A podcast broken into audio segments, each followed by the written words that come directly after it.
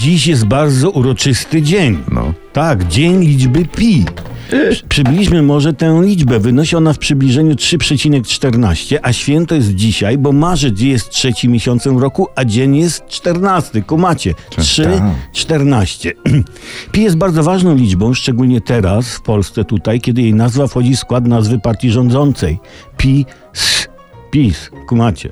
A więc jest to liczba słuszna i obok przywrócenia PKS-u powinna być włączona do kampanii wyborczej pra Prawa i Sprawiedliwości. Hasełko takie y, jest, nawet liczby są z nami, a PO, APO kończy się na zero. Pi jest liczbą nieskończoną. Próby dojścia do końca Pi ciągle są podejmowane, bo na końcu czekają cenne nagrody, wycieczki, sprzęt AGD i RTV, golarki, depilatory czy roczny abonament na kawę ziarnistą. Kojarzycie kawę ziarnistą? Takie małe czarne dupeczki w torebce. Jeden francuski matematyk obliczył liczbę pi do ponad 2,5 biliona miejsc po przecinku. A aby tego dokonać, trzeba mieć niezłe liczydło i kupę szaleństwa w sobie. Powinni o tym nakręcić film. Ja już widzę recenzję. Przez pierwsze 10 miliardów e, dłuży się film. Akcja nabiera jednak tempa po bilionie. Od półtora biliona wydarzenia nabierają takiego tempa, że trudno się od pi oderwać.